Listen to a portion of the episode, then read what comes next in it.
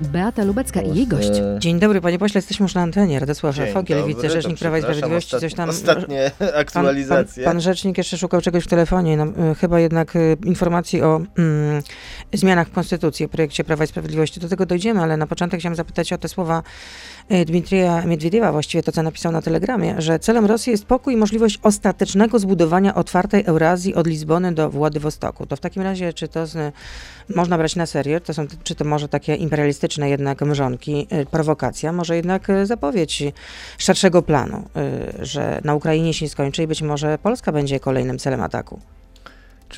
Powiem tak, no. Mamy do czynienia z prawą ręką, może No poplecznikiem Puty, Putina na pewno. Putina, byłym prezydentem Rosji. No, brzmi to oczywiście jak e, majaczenie wariata. To Aleksander Dugin przy czymś takim się wydaje być człowiekiem umiarkowanym i, i wcale nie, nie świrem, ale no to padło. No, pytania oczywiście, to, czy to jest taka retoryka, czy to jest na e, użytek wewnętrzny, no ale po raz kolejny e, istotne postacie e, rosyjskiej polityki wypowiadają się mniej lub bardziej w ten sposób. No, znaczy, polska doktryna się nie obronna i nie zmienia się. No, my wiemy na co Rosję stać i, i po to między innymi się zbroimy, po to mod- modernizujemy armię. No, ale być może, jeżeli coś dobrego czy z takich słów może, może yy, wyniknąć, no to być może właśnie ci decydenci w Lizbonie albo po drodze w yy, Paryżu yy, czy, czy Madrycie yy, jednak zobaczą, że to nie jest kwestia yy, jakiejś tam yy, pribałtyki, używając rosyjskiego słownictwa, czy, czy dawnej rosyjskiej strefy wpływów po naszej stronie żelaznej kurtyny, bo, bo ja jestem no niestety no, nie tyle przekonany, co wiem, no niestety na Zachodzie wielu polityków, niezależnie od barw partyjnych, cały czas z pewnym e, taką no, przymrużeniem oka albo z pewnym niedowierzaniem, e, nawet mimo tego, co się dzieje na Ukrainie, nawet mimo, mimo e, próby podboju Ukrainy, cały czas patrzy w taki sposób, że no, to, to tak naprawdę dzieje się gdzieś tam. Czyli no, jakieś resentymenty, rozumiem, decydują o tym, tak? E, Przepraszam? Jakieś resent, resentymenty Znaczy, jednak. re, resentymenty, no taki zupełnie inny sposób widzenia świata. No, dlaczego Polska przez tyle lat, Polska, kraje bałtyckie nie mogły się przebić ze swoimi ostrzeżeniami, z, byliśmy Ale teraz się chyba przebiliśmy jednak. No, ale no, przepraszam, czy, czy, czy potrzebujemy trupów na ulicach w Buczy, żeby się przebić? No ja wolałbym jednak, żeby to nie musiało dochodzić do tak ekstremalnych sytuacji. No, opinia publiczna, opi- opinia, opinia międzynarodowa jest wstrząśnięta tym, co się wydarzyło. Trudno się dziwić. Zresztą Bucza nie jest jedynym miejscem, gdzie doszło do takich bestialskich wydarzeń. Ukraińcy ostrzegają, że, że można się spodziewać jeszcze gorszych e, rzeczy, które będą odkrywane, czy to w Mariupolu, czy, czy gdzie indziej. E, Wrócę na nasze poletko. E, Wczoraj wieczorem zebrał się Klub Prawa i Sprawiedliwości. Co ustaliliśmy, ustaliliście? Czy będą jakieś dodatkowe jeszcze elementy tych okazałych uroczystości z okazji 12. rocznicy katastrofy smoleńskiej? Czy okazałych, No wracamy, wracamy po No prostu właśnie. do sytuacji przedkoronawirusowej. E, Największa e, tragedia Polski po II wojnie światowej wymaga upamiętnienia, wymaga upamiętnienia postać prezydenta Lecha Kaczyńskiego. Tym bardziej dzisiaj, kiedy okazuje się, że ci, którzy rechotali z, z jego aktywności w Gruzji, z tego co mówił, z tego co mówił na Westerplatte w 70. rocznicę wybuchu II wojny światowej, no, dzisiaj muszą połykać swoje języki. Tym bardziej upamiętnienie Lecha Kaczyńskiego No jest dobrze, ale na prezes miejscu. Kaczyński wraca ewidentnie do teorii zamachu, powołuje się na jakieś nowe ustalenia, y, do których ma wgląd jako osoba pokrzywdzona w tej sprawie. No to co, podzieli się tą wiedzą w takim razie podczas tych y, obchodów y, niedzielnych, rocznicy katastrofy smoleńskiej, chociaż z drugiej strony jest tajemnica śledztwa, to jak miał, miałby to zrobić? Więc zapraszam na krakowskie przedmieście, wszystkich, panią redaktor również, bo warto pamiętać o... Prezes przede wszystkim zaprosił kluby Gazety Wyborczej. Czy rozumiem, że chodzi o mobilizację tego twardego ele- elektoratu, tak? Myślę, że kluby Gazety Wyborczej Yy, to dość radykalna koncepcja, Kluby ale Gazety zapraszamy. Polskie. Ale kluby, to było zapraszamy. przejęzyczenie, można, no, pomyłka freudowska, jak zwał, tak zwał, ale jest to, chodzi oczywiście o kluby Gazety Polskiej. Zapraszamy oczywiście wszystkich, nawet kluby Gazety Wyborczej, bo... Polskiej. E, bo ci, którzy zginęli pod Smoleńskiem, niezależnie od tego, jakie barwy partyjne reprezentowali. Ale chodzi o mobilizację twardego elektoratu, tak?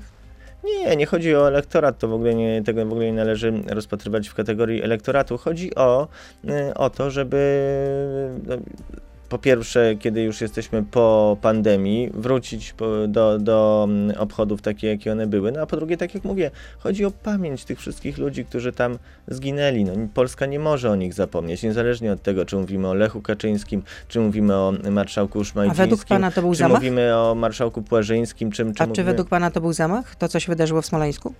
Ja nie mam tych informacji, które mają osoby posiadające status poszkodowanych w śledztwie. No ale są ustalenia mamy... Państwowej Komisji do spraw badania wypadków e, lotniczych. No to czarne skrzynki nie zarejestrowały żadnego wybuchu. Rejestrator głosu nie, nie, nie zarejestrował żadnego wybuchu.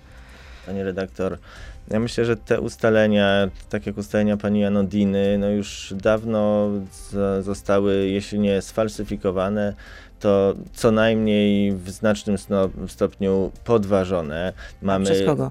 chociażby przez pana Klicha, który w pierwszej fazie badał te wydarzenia i y, już jakiś czas temu przecież światło dzienne ujrzały jego słowa. Czyli jeden głos mówił, pana że, Klicha ma przeważyć mówił, że nie mógł całe, się całe grono dobić do ekspertów. Donalda, do Donalda Tuska. Całe, całe grono ekspertów. Dobrze, a kiedy, eks- kiedy raport komi- podkomisji smoleńskiej Antoniego Macierewicza ujrzy światło dzienne? No bo praca tej komisji kosztowała sporo podkomisji, 25 milionów y, złotych według doniesień mediów. No to chyba opinia publiczna ma prawo poznać efekty pracy tej podkomisji. Oczywiście i e, te, te, tego typu rzeczy muszą kosztować. No ile kosztowało Ale ja E, pytam, kiedy poznamy efekty pracy? Już odpowiadam, no ale pff, pojawił się pewnego rodzaju, może lekko zakamuflowany zarzut, że to rzekomo drogie. No więc, A tanie nie było. No, pani redaktor, ale no, ja bym nie chciał, żeby za No 100 dobrze, złotych ale- badano tego typu wydarzenia. ale ile wypadało, kosztowało, ile wypadałoby- kosztowało badanie katastrofy Lockerbie? Dobrze, Ile ale wypadało, żebyśmy badanie poznali... zestrzelonego nad Dobrze. e, Nie Ukrainą? licytujmy się, panie pośle, nie licytujmy się, Jeśli tylko chodzi o raport, jeśli chodzi o raport, jego dysponentem jest minister obrony narodowej. To nie jest No pytanie i, no do i minister obrony narodowej nie jest w stanie wyegzekwować tej odpowiedzi od, od e, Antoniego Macierewicza. Kiedy ten raport zostanie upubliczniony? Albo w ogóle zostanie przekazany do MONU. Już nie mówię o upublicznieniu. Nie, no, przepraszam, no, podkomisja jest w, strukturach MON i kiedy zdecyduje o tym minister obrony narodowej, kiedy podkomisja zakończy pracę, to, to raport e, upubliczni. No, to jest wielokrotnie o tym była mowa na Komisji Obrony, wielokrotnie to tłumaczył i minister Macierewicz, i przedstawiciele e, inni Ministerstwa Obrony Narodowej. No taka jest procedura. A poznamy to jeszcze przed y, 12. rocznicą y, katastrofy smoleńskiej? Nie siedzi przed panią redaktor minister obrony narodowej, więc y, gdyby to od mojego podpisu zależało, to wtedy bym pewnie mógł powiedzieć. No, nie zależy od mojego A powinien być taki raport upubliczniony? Zapytam jeszcze, tak? E, Myślę, że prędzej czy później on powinien światło dzienne ujrzeć. A jak chcecie przekonać Ziobrę do tego, żeby poparł prezydencki projekt, ten wiodący projekt zmiany w Sądzie Najwyższym, który ma doprowadzić do likwidacji Izby Dyscyplinarnej, w tej postaci Izby Dyscyplinarnej Sądu Najwyższego? Bo ziobryści się upierają, że nie poprą tego projektu, że jest dla nich nie do przyjęcia. E, Wczoraj mówił o tym przewodniczący komisji, no, że ma nadzieję, że w toku jej prac, e, którą mamy godzinę, jest... e, 8.10. Za dwie godziny i 20 minut posiedzenie rozpoczyna Komisja Sprawiedliwości i Praw Człowieka, która właśnie nad tymi projektami i prezydenckimi, No dobrze, ale teraz pan weksluje to już, teraz po prostu próbuje pan rozmyć. Ja pytam No, konkretnie, konkretnie pytam, jak chcecie przekonać Ziobrę do tego, żeby poprać, poprzeć ten projekt? Bo jeśli Ziobryści tego nie poprą, to co to oznacza? Wyjście z koalicji? Zerwanie koalicji rządowej? Panie redaktor, no, na razie mówimy o jakichś e, hipotetycznych zdarzeniach. No nie są to chyba hipotetyczne miało- zdarzenia, znaczy, ja ponieważ doceniam marszałek troskę. Terlecki, jeden z prominentów Prawa i Sprawiedliwości, tutaj pan nie zaprzeczy, na łamach pracy w, w dzienniku gazie, Gazecie Prawnej powiedział, jeśli ważny element naszej koalicji mówi, że nie będzie dalej współpracować z rządem, to znaczy, że koalicja przestaje istnieć. Koniec, kropka. No jeżeli element powie, że nie, nie będzie dalej współpracował z rządem, no to tak, sprawa jest dość jasna, ale na razie żaden element ko koalicji tego nie mówi. No, zdarzało się w dotychczasowych latach, że jakieś nie były, czy to niesnaski, czy różnice zdań, no jakoś e, Zjednoczona Prawica potrafi je przezwyciężyć. Czyli ma pan ja nadzieję, że jednak- troskę o spójność koalicji, ale będziemy rozwiązywać problemy w miarę jak się będą po pojawiać. No a gdyby została zerwana koalicja, to co wtedy przedterminowe wybory? Ko- Konstytucja jasno określa, Ale jest taki scenariusz brany pod uwagę? Pani redaktor, no ale do, to jaki scenariusz miałby być brany pod uwagę? No, są dwie możliwości, no trzy możliwości, prawda? Ehm, Nie chcę wykładać. Nie chcę wykładać. Przeterminowe wybory są brane pod uwagę, czy rząd mniejszościowy?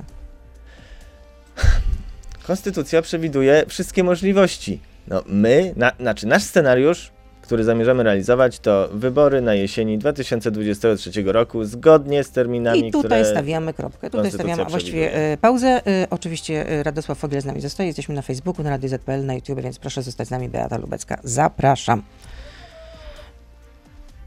jakieś tam słyszałam e, okrzyki ze studia obok. Nie wiem, czy pan też słyszał.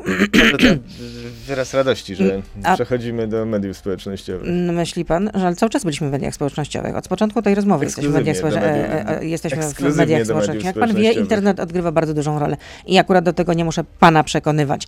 A czy jest szansa, że opozycja, czy też część opozycji poprze ten projekt prezydencki, bo on jest wiodący, jak rozumiem. To jest ta podstawa, na, ta baza, na, na, na której pracujemy, tak? Rzeczywiście to jest projekt najszerszy, no to jest projekt, który był pierwszy. Rzeczywiście on ma być podstawą prac komisji. Zobaczymy. No, y, Ale podobno prezydent też miał zaznaczyć, że y, podpisze tylko swój projekt. Ja myślę, że pan uchwalony. prezydent podpisze dobry projekt, taki, który uzna za, za, dobry. za właściwy. E, mówił, e, zacząłem o tym, o tym mówić chwilę wcześniej, wczoraj wypowiadał się poseł Ast, szef e, Komisji Sprawiedliwości, że ma nadzieję, jeżeli ktoś ma jakieś wątpliwości co do tych projektów, no, że zgłosi swoje poprawki właśnie w toku prac komisji. Opozycja, no, opozycja zawsze ma szansę, żeby jednak się zreflektować i dobre dla Polski pomysły popierać. To, że z niej rzadko korzysta, to już naprawdę nie do mnie pretensje. No ale kto miałby to poprzeć? PSL? Lewica? Nie chcę jakoś e, wskazywać palcem, to może być pocałunek śmierci dla części opozycji, kto miałby poprzeć. Każdy, kto poprze coś dobrego dla Polski jest mile widziany i będzie mu to w niebie poczytane do zasług. Włodzimierz Czarzasty w wywiadzie chyba dla Radia Plus powiedział, że on do tego ręki nie przyłoży. To wy musicie się dogadać i w efekcie doprowadzić do tego, żeby Komisja Europejska w końcu odblokowała pieniądze na Krajowy Plan Odbudowy może Włodzimierz Czarzasty uważa, że już ma tyle zasług, że yy, dalszych nie potrzebuje. Yy, no panie redaktorze, ciekawa w, yy, w, tym wszystkim jest jedna rzecz, to wczorajsza chyba wypowiedź yy, przewodniczącej von der Leyen, która w zasadzie chyba pierwszy raz tak otwarcie mm, powiedziała, że na posiedzeniu Parlamentu Europejskiego, tak? Że ona warunkuje, czy że komisja warunkuje yy, zaakceptowanie Polskiego Krajowego Planu Odbudowy.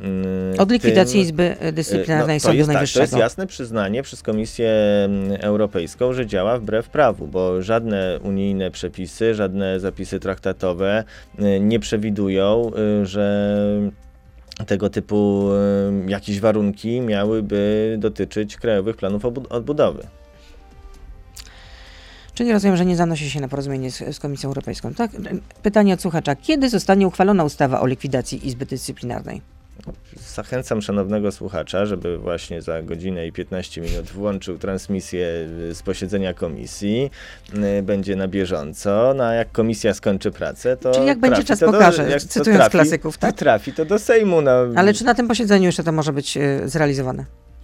Redaktor, nie jestem członkiem który się tej dzisiaj, Który się dzisiaj rozpoczyna. Chociaż na razie pracuję nad tym komisję, nie widzę, nie żeby to było w, w porządku tej komisji, No więc właśnie nie jestem członkiem tej komisji, nie potrafię tego e, przewidzieć. No członkiem komisji pan nie jest, ale jest pan wicerzecznikiem Prawa i Sprawiedliwości, więc wie jak pan, jak to wygląda od środka generalnie. No, jakie wiem, jak wygląda od środka. Jest bardzo liczna komisja, która często kończy pracę y, bardzo żywiołową y, dyskusją. Zdarzało się tak w przeszłości. Możemy z tego wysnuwać jakieś wnioski.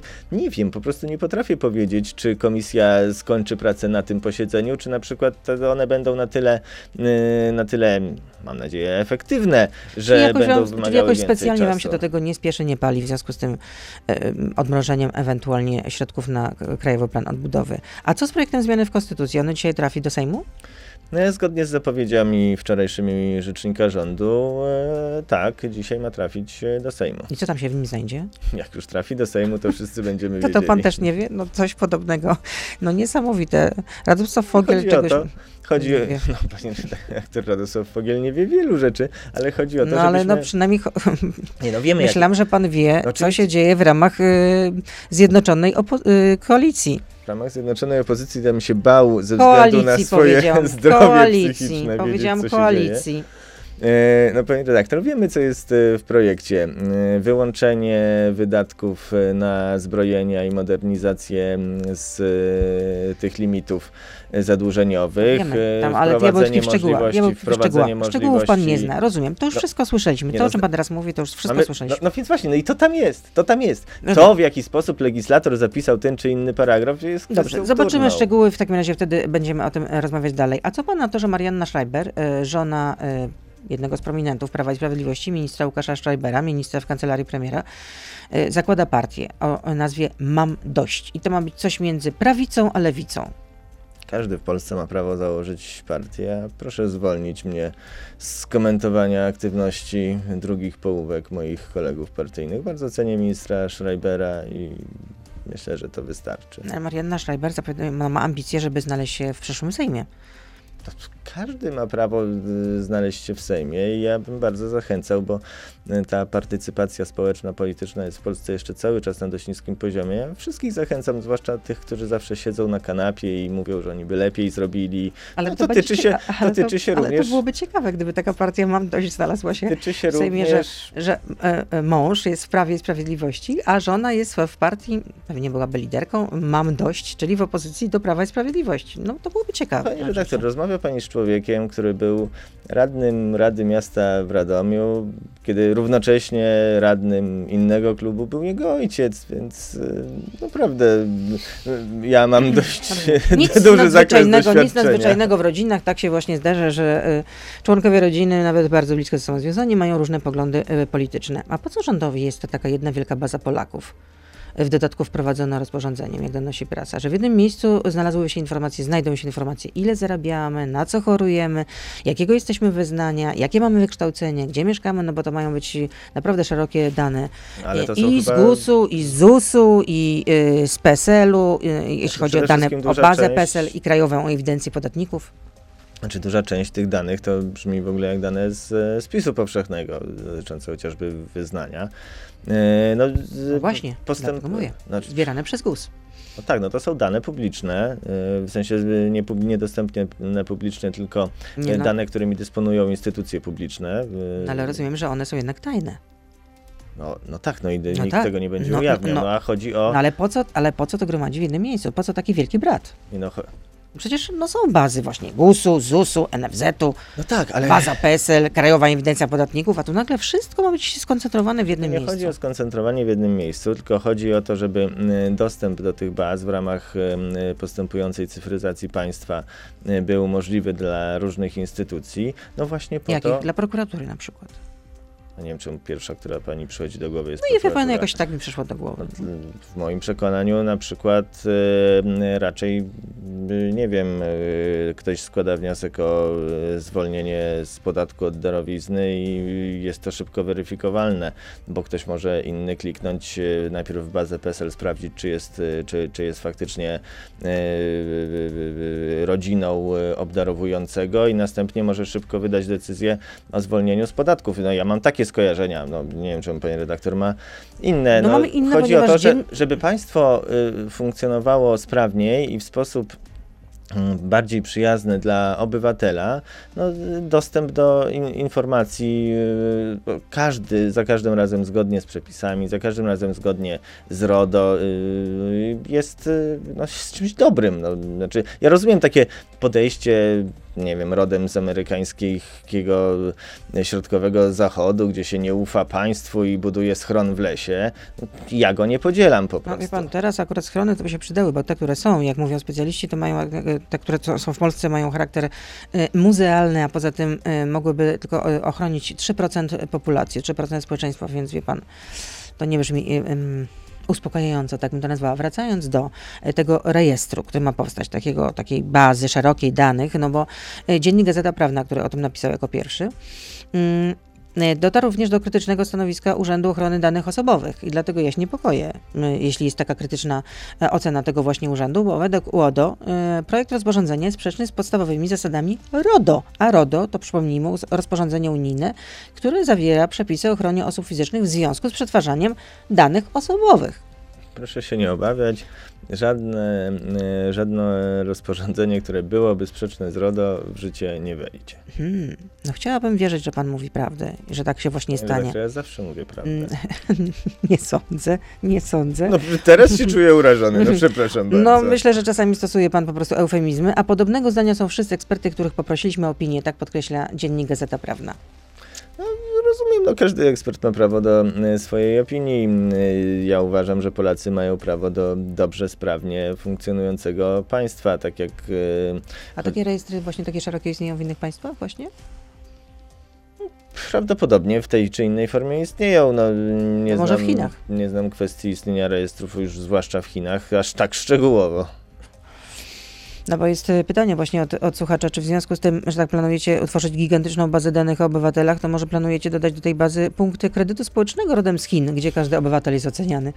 Nie, nie planujemy. Może, czy, może nasz słuchacz spać spokojnie. To jak w serialu Black Mirror. Łukasz pyta, mm, y, dlaczego PiS jawnie wspiera europejskich sprzymierzeńców Putina? Tu chyba chodzi jednak o Wiktora Orbana.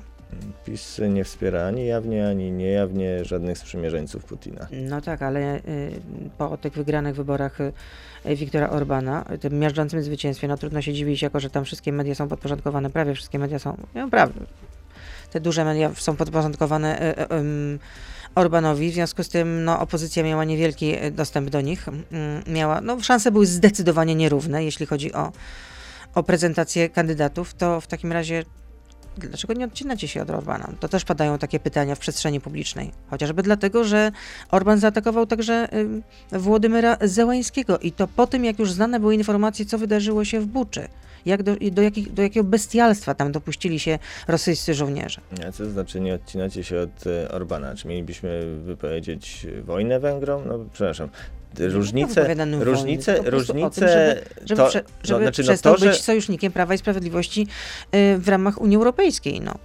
No, przepraszam, sekundę po kolei. Różnice między polskim postrzeganiem kwestii y, agresji na Ukrainę, czy tym, jak postrzega je Prawo i Sprawiedliwość, a tym, jak postrzega je rząd węgierski, no są doskonale znane i są to różnice diametralne. Dobrze, Nikt tego panie pośle, ale jak można współdziałać no. z człowiekiem, e, czy też z krajem, który jest e, po prostu piątą kolumną Putina? Ale czy zauważyła pani redaktor, że chociażby mm, nie odbył się szczyt wyszehradzki ministrów spraw zagranicznych? Tak, i to, że się nie odbył, to zainicjowała to czeska minister obrony, bo wcale nie minister Błaszczak. Ale to naprawdę myśli pani, że mówimy o jakimś wyścigu? Kto, kto pierwszy ogłosi informację? Symbole mają że... znaczenie też, tak. Kolejność też czasami ma znaczenie. No moim zdaniem znaczenie ma to, że szczyt się nie odbył. Ta różnica y, poglądów jest zdecydowana i, i, i bardzo widoczna i nikt tego nie ukrywa, ani po, po, po, stronie Prawa i Sprawiedliwości, ani po stronie e, polskiego rządu. Ale, no, rozumiem, ale Węgry że... są członkiem Unii Europejskiej e, no i będą zabierać głos w różnych sprawach europejskich i zdarzy się tak, że nasz głos będzie różny, a zdarzy się tak, że nasz, nasz głos będzie podobny. No to jest tak samo... Ale rozumiem, że nadal Viktor Orban będzie zapraszany do Polski.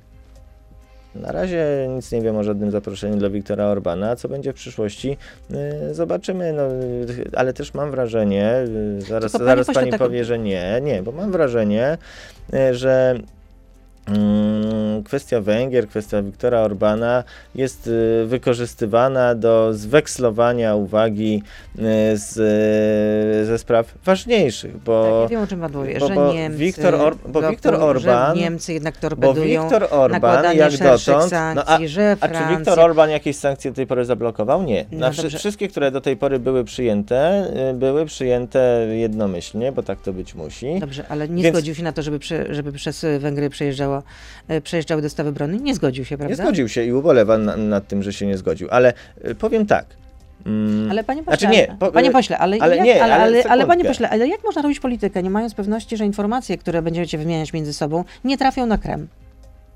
Znaczy, jeśli chodzi o informacje, które nie powinny trafić na Kreml, to w Polsce procedury, mm, które to uniemożliwiają, są aktywne i skuteczne. Tylko powiem tak, no, żeby, bo, bo ja wiem, że oczywiście bardzo fajnie jest przymknąć e, oko na e, różne e, kraje, które moralnie czują się uprawnione do przewodzenia Unii Europejskiej, Nie, prze, nie które są Nie według nich samych przede wszystkim odwiecznymi zwolennikami integracji i solidarności. Jedno po- i drugie jest nie do więc, obrony. więc powiem tak, powiem tak.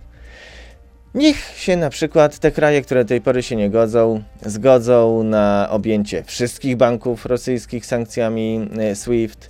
Niech e, zgodzą się e, na sankcje na nośniki energii, bo to, co wczoraj mówiła Ursula von der Leyen, jest obiecujące. No, postulaty Polski pewne, chociażby dotyczące do- dostępu do portów czy transportu lądowego zostały spełnione. Za wolno, za mało, ale okej. Więc powiem tak, niech się te wszystkie kraje na to zgodzą i niech Węgry zostaną jedne na placu boju, jak tak pani się tego obawia. I wtedy zobaczymy, jaka będzie sytuacja, bo, bo na razie to nie Węgry są blokujący. Pod, powtarzam, polityka Orbana wobec, e, wobec e, tego, co się dzieje na Ukrainie, nie jest polityką, z którą zgadza się Prawo i Sprawiedliwość. Koniec, kropka. Ale naprawdę nie Ale to nie wyklucza naszej tego, współpracy. Rozumiem. Nie Mimo, że używajmy stoimy po dwóch tego, stronach barykady, jeśli chodzi o Ukrainę, to nie wyklucza nie współpracy. używajmy Na, e, tego, na forum Unii Europejskiej. nie używajmy tego jako listka, jako listka figowego, żeby nie dostrzegać innych problemów. Bo ja wiem, że to jest bardzo wygodne, ale jednak są państwa dużo bardziej e, przeciwne sankcjom. Konrad pyta, ostatnio mówił pan, że w swoim biurze poselskim ma pan całe pudło y, z ulotkami, y, które reklamują Polski Ład. Czy po słowach ministra Sobonia, zresztą w tym programie, zachęcającego do wyrzucenia ich, już je pan zutylizował? Czy nadal zachęca pan do zgłaszania się do nie do biura? Zachęcam, również zachęcam pana Konrada, bo mm, ja nie mówiłem o ulotkach dotyczących tej wyłącznie podatkowej odnogi Polskiego Ładu, o tych mówił minister Soboń. Ja mówiłem o mm, broszurach, które zawierają cały program Polskiego Ładu, który jak wiemy dotyczy również e, funduszu inwestycyjnego dla samorządów, e, dotyczy e, kwestii wiem, ochrony środowiska, dotyczy, dotyczy bardzo wielu aspektów życia. I ja To mówiłem były dwa rodzaje ulotek w takim razie, tak? Mówiłem to wielokrotnie. Tak, to były i dwa rodzaje ulotek, bo ja nie dostałam żadnej, więc Więcej, do swojej skrzynki. więcej niż dwie być może nawet. No, Polski Ład To przecież, trochę był, pieniędzy wydaliście na ich drukowanie. przecież Mm. był prezentowany Polski Ład e, publicznie e, przez kilka e, dobrych, chyba dwie godziny czy, czy, czy dwie i pół. No I, właśnie. I naprawdę No, spłycanie był, go... Był sprezentowany, a potem okazało się, że trzeba go po prostu poprawić. Nie, no pani redaktor, i znowu, no ja napra- znaczy ja rozumiem, ja rozumiem pol- polemiczną emocję naszych niektórych słuchaczy, ale no, oczekiwałbym od dziennikarza, że nie będzie mylił rozwiązań podatkowych zawartych w Polskim Ładzie z całością programu politycznego, jakim jest Polski Ład. No tak, no jeżeli, akurat podatki to, to jest ja coś, zachęcam- co, to akurat podatki to jest coś, co dotyczy każdego obywatela i to jest coś, co każdego obywatela interesuje najbardziej. ale A przecież tutaj ja pan nie może neguję. zaprzeczyć, że jednak wymagało to korekty i e, zostały przedstawione pierwsze propozycje w tym zakresie, tak czy nie? Tak. Tak, chociażby obniżka y, PIT-u z 17 do 12%. Y, ty- y, Trzy, cztery dni temu chyba zakończyły się y, Konsultacje. konsultacje społeczne. Będziemy nad, dalej, dalej nad tym pracować. No, nie widzę tutaj nic zdrożnego. Jeżeli został gdzieś błąd popełniony, trzeba się do niego przyznać i go naprawić. I po prostu y, tak to wygląda i te, tak zachowuje się odpowiedzialna władza. Ja tylko No tak, ja tylko mówię o czymś zupełnie Ale- innym, że utożsamianie Polskiego Ładu, który jest kompleksowym programem politycznym, dotyczącym zarówno inwestycji w małych gminach, jak i zmian podatkowych, jak i e, kwestii rolnictwa, budownictwa mieszkaniowego i wielu, wielu innych aspektów, utożsamianie go li tylko z jego częścią podatkową jest błędem metodologicznym. Ale ja też potem wytłumaczyłam o co chodzi, że tak naprawdę to każdego obywatela przede wszystkim interesuje, ile zapłaci podatków, a i, i o ile na przykład uszczupli się jego budżet. Albo nie uszczupli. Arleta pyta, dlaczego Polska jeszcze nie wydaliła ambasadora Rosji? Polska jak dotąd wydaliła 45 dyplomatów w porozumieniu z naszymi Ale to pytanie brzmi, Eee. dlaczego nie wydaliła ambasadora Rosji? bo nie zapadła jeszcze taka decyzja. A co musiałoby się wydarzyć, żeby ambasador Rosji został wydalony z Polski? Myślę, że y, nie będziemy o tym informować ambasadora Rosji za pośrednictwem y, fal radiowych lub mediów społecznościowych. Kiedy nastąpi zamrożenie majątków Wizusa, bo y, tę popularną firmę pożyczkową kontroluje rosyjski y, oligarcha Oleg Bojko, pyta Joanna. Hmm. Jak sądzę, pan Bojko nie jest y, objęty personalnymi sankcjami Unii Europejskiej, bo w, na, na tym, w tym momencie możemy mrozić i to już się dzieje, już ponad sto kilkadziesiąt milionów z informacji, które które mamy, jest zamrożonych na podstawie, Polsce. E, tak, na podstawie unii, sankcji unijnych. E, jeżeli tenże rzeczony oligarcha zostanie objęty sankcjami, to będzie podstawa prawna do zamrożenia. Równocześnie jest ta propozycja rządowa, żeby to dodatkowo obok tych sankcji europejskich minister spraw wewnętrznych prowadził własny rejestr podmiotów i osób, które takimi działaniami mogą być objęte. Jak ta ustawa zostanie przyjęta, no to również nic nie stoi na przeszkodzie, żeby inne osoby zostawały y, takimi działaniami objęte. Na razie nie ma ku temu, na razie operujemy w ramach sankcji przyjętych przez Unię Europejską. Piotr pyta, dlaczego polskie służby wyłączyły kamery na granicy polsko-rosyjskiej? Czy chodzi o to, żeby Polki i Polacy nie widzieli, jak wiele firm wjeżdża z towarami do Rosji i jak wiele firm nadal handluje z Rosją? A czy ktoś wyłączył jakieś kamery? Znaczy ja pierwszy o tym słyszę. Nie, nie wydaje mi się, żeby ktokolwiek wyłączał kamery, bo, bo, bo nie wiem, bo jakiś tir jedzie. No.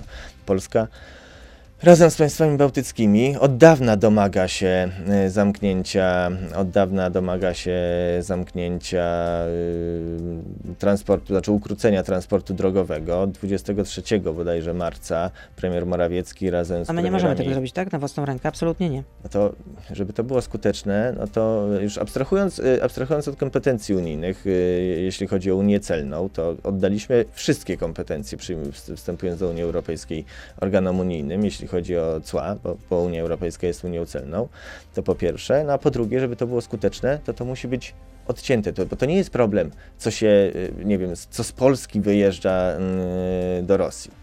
To jest problem, co przez Polskę jedzie na przykład z Francji, Hiszpanii, Niemiec. Dlatego to musi być decyzja Unii. 23 marca premier Morawiecki wraz z premierami Litwy, Łotwy i Estonii zwrócił się z takim postulatem do Komisji Europejskiej. Wczorajsza wypowiedź e, Ursuli von der Leyen sugeruje, że no co prawda dwa tygodnie później, ale e, takie jest, sankcje mogą zostać ma to być no i bardzo się cieszę. Bardzo się cieszę i chciałbym, żeby wszystkie nasze propozycje sankcji były, były przyjmowane przez Unię Europejską. Tylko e, a propos tego, bo myślę, że to jest dobra okazja, bo ja mam wrażenie, że niektórzy, zwłaszcza politycy opozycji, a część, część naszych słuchaczy to idzie, idzie tą trasą, tą drogą, e, mm, upodobała sobie mm, taką zabawę, że wyjmuje, wynajdują obszary, które nie są objęte sankcjami unijnymi, udają głupiego, że nie wiedzą, że pewne rzeczy leżą w kompetencji Unii Europejskiej i lecą do mediów i mówią, a kiedy to, a kiedy to, a co rząd zrobił?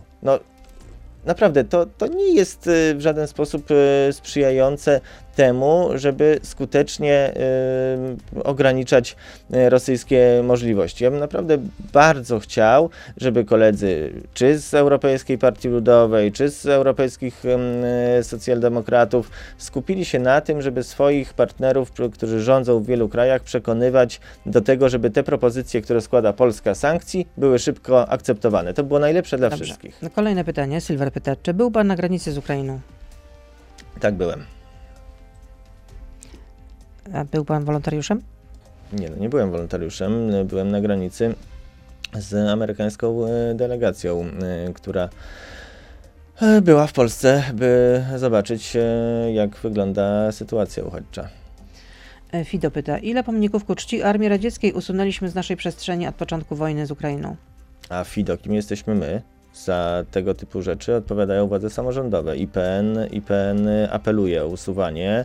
E, jest na przykład problem Olsztyna, gdzie prezydent e, rękami i nogami broni się przed usunięciem e, takiego pomnika. Jest chyba w Rzeszowie, to takie informacje, które mam z mediów, pewnie dalece niekompletne. W Rzeszowie jest bodajże wniosek Solidarności do prezydenta miasta o usunięcie mm, pomnika upamiętniającego Armię Czerwoną. Decyzja prezydenta e, Rzeszowa, Przepraszam. e, no to są kwestie samorządowe. Ja byłbym za tym, żeby wszystkie tego typu pomniki skończyły w Kozłówce, mm, czy, czy, czy w innym miejscu, no ale to trzeba, każdy z nas musi naciskać e, swoich e, prezydentów, wójtów, burmistrzów, e, żeby takie decyzje podejmowali. Ciekawe, czy coś powiem. O, jednak jeszcze coś powiem. Bardzo mnie to cieszy. Nie mam przygotowanego występu na tę okazję. Michał pyta, kiedy samorządy dostaną pieniądze na wypłacenie, oszek, wspaniały głos, na czter... Jeszcze raz. Kiedy samorządy dostaną pieniądze na wypłacenie 40 zł za przyjęcie uchodźców z Ukrainy? Myślę, że to kwestia y, dni, może tygodni. No, ustawa dopiero co została przyjęta, podpisana przez y, prezydenta, ta, która to przewiduje, ale na pewno y, nikt nie zostanie tych pieniędzy y, pozbawiony. No, po to przyjęliśmy takie rozwiązania. Bronisław pyta, ile kosztuje w piekarni pana taty duży chleb? Jak słusznie Bronisław zauważył, jest to piekarnia mojego taty, a dokładnie rzecz biorąc mojego taty i stryjka i to jest pytanie do nich, nie mam zielonego pojęcia. Bo skąd miałbym wiedzieć? No nie no, myślałam, że pan może od czasu do czasu odwiedza po prostu rodziców i... Ale to odwiedzam rodziców, a No nie, nie wiem, a no nie ale może biznes, pan- który prowadzą. Ale może zaszedł pan po prostu do tej do piekarni i kupił taki duży chleb, no bo jednak chleb drożeje, no to wiemy wszyscy. No. Wszystko drożeje, pani redaktor. No jeżeli mamy wojnę na Ukrainie, która y, dokłada się nam na, na, na wierzch tych problemów, które mieliśmy wcześniej, koronawirus, łańcuchy dostaw, y, droga y, energia, te, teraz jeszcze dodatkowo y, podbijające ceny, y, podbijająca ceny Rosja. No oczywiście wiele rzeczy drożeje. No, tego Ukraina, która jest przecież spichlerzem Europy. Y, Pytanie, czy zbiorą to, co, to, co zasiali jako, jako zimę. Pytanie, czy zasieją dalej. No, problemów jest bardzo dużo, no to Tak, prawda. No, ciężkie czasy, to- ciężkie czasy. To w ogóle bez, bez dwóch zdań, ale mnóstwo p- słuchaczy też prosi o to, żeby pan podał przepis na chleb i może być na zakwasie. Panie redaktor, znaczy y, tak, widziałem te y, komentarze i powiem tak, no ja z nimi problemu nie mam, one raczej świadczą o samych y, komentujących, którzy... Ale zdarza się panu, że... którzy fakt, y, którzy, którzy za coś uwłaczającego, bo większość tych komentarzy jest jednak, jednak dość, y, powiedziałbym, em, Niesympatycznych? no, niespecjalnie, niespecjalnie utrzymanych w miłym tonie. Fakt, że w Ale ramach ja rodzinnej... cytuję? Nie cytuję tutaj absolutnie. Bardzo się cieszę, bardzo się cieszę. Fakt, że w ramach rodzinnej tradycji, tak jak mój dziadek, tak jak mój ojciec, tak jak mój brat, tak jak mój brat cioteczny, tak jak brat mojego ojca, e, mam uprawnienia, czy zdałem egzamin czeladniczy, e, to nie sprawia, że e, uważam się za piekarza, czy nigdy nie pracowałem w Ale zawodzie w domu piekarza. się panu na przykład prostu- piecy chleb?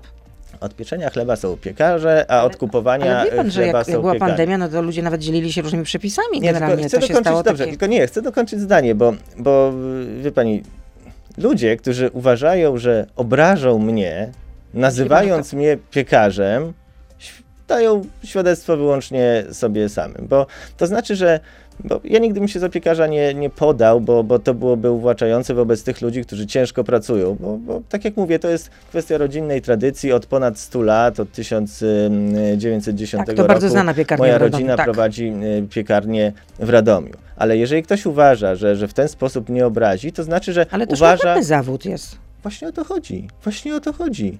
I dlatego, jeżeli ktoś uważa, że nazwanie kogoś piekarzem jest uwłaczające, to świadczy tylko o nim, o tym, że ma zero szacunku dla ciężkiej pracy codziennej tych ludzi. Tyle. Ja uważam, że to szlachetny zawód, ale y, pytałam pana, czy może zdarza się panu jednak y, piec chleb, bo czytałam taki wywiad z panem, y, właściwie fragmenty, y, chyba udzielił go pan w, w trójce radiowej, że no, co prawda nigdy nie pracował pan w piekarni, ale czasa, że zda, czasem zdarza się panu wykorzystywać te zdobyte umiejętności w domowym zaciszu. Wyłącznie w ramach pieczenia bułek do hamburgerów, chleb. Okej. I- I tu oczywiście jestem rzecznikiem, y, rzecznikiem niejako własnej sprawy. Od pieczenia chleba są piekarze, od kupowania go są piekarnie. I wszyscy się niech się zajmują tym, czym się powinni zajmować. Rozumiem. Zostawmy to po prostu fachowcom. Y, To jeszcze jedno pytanie na, na koniec. Agnieszka pyta, czy w Warszawie powinna być ulica Lecha Kaczyńskiego? Oczywiście to, że jej do tej pory nie ma, to jest skandalem.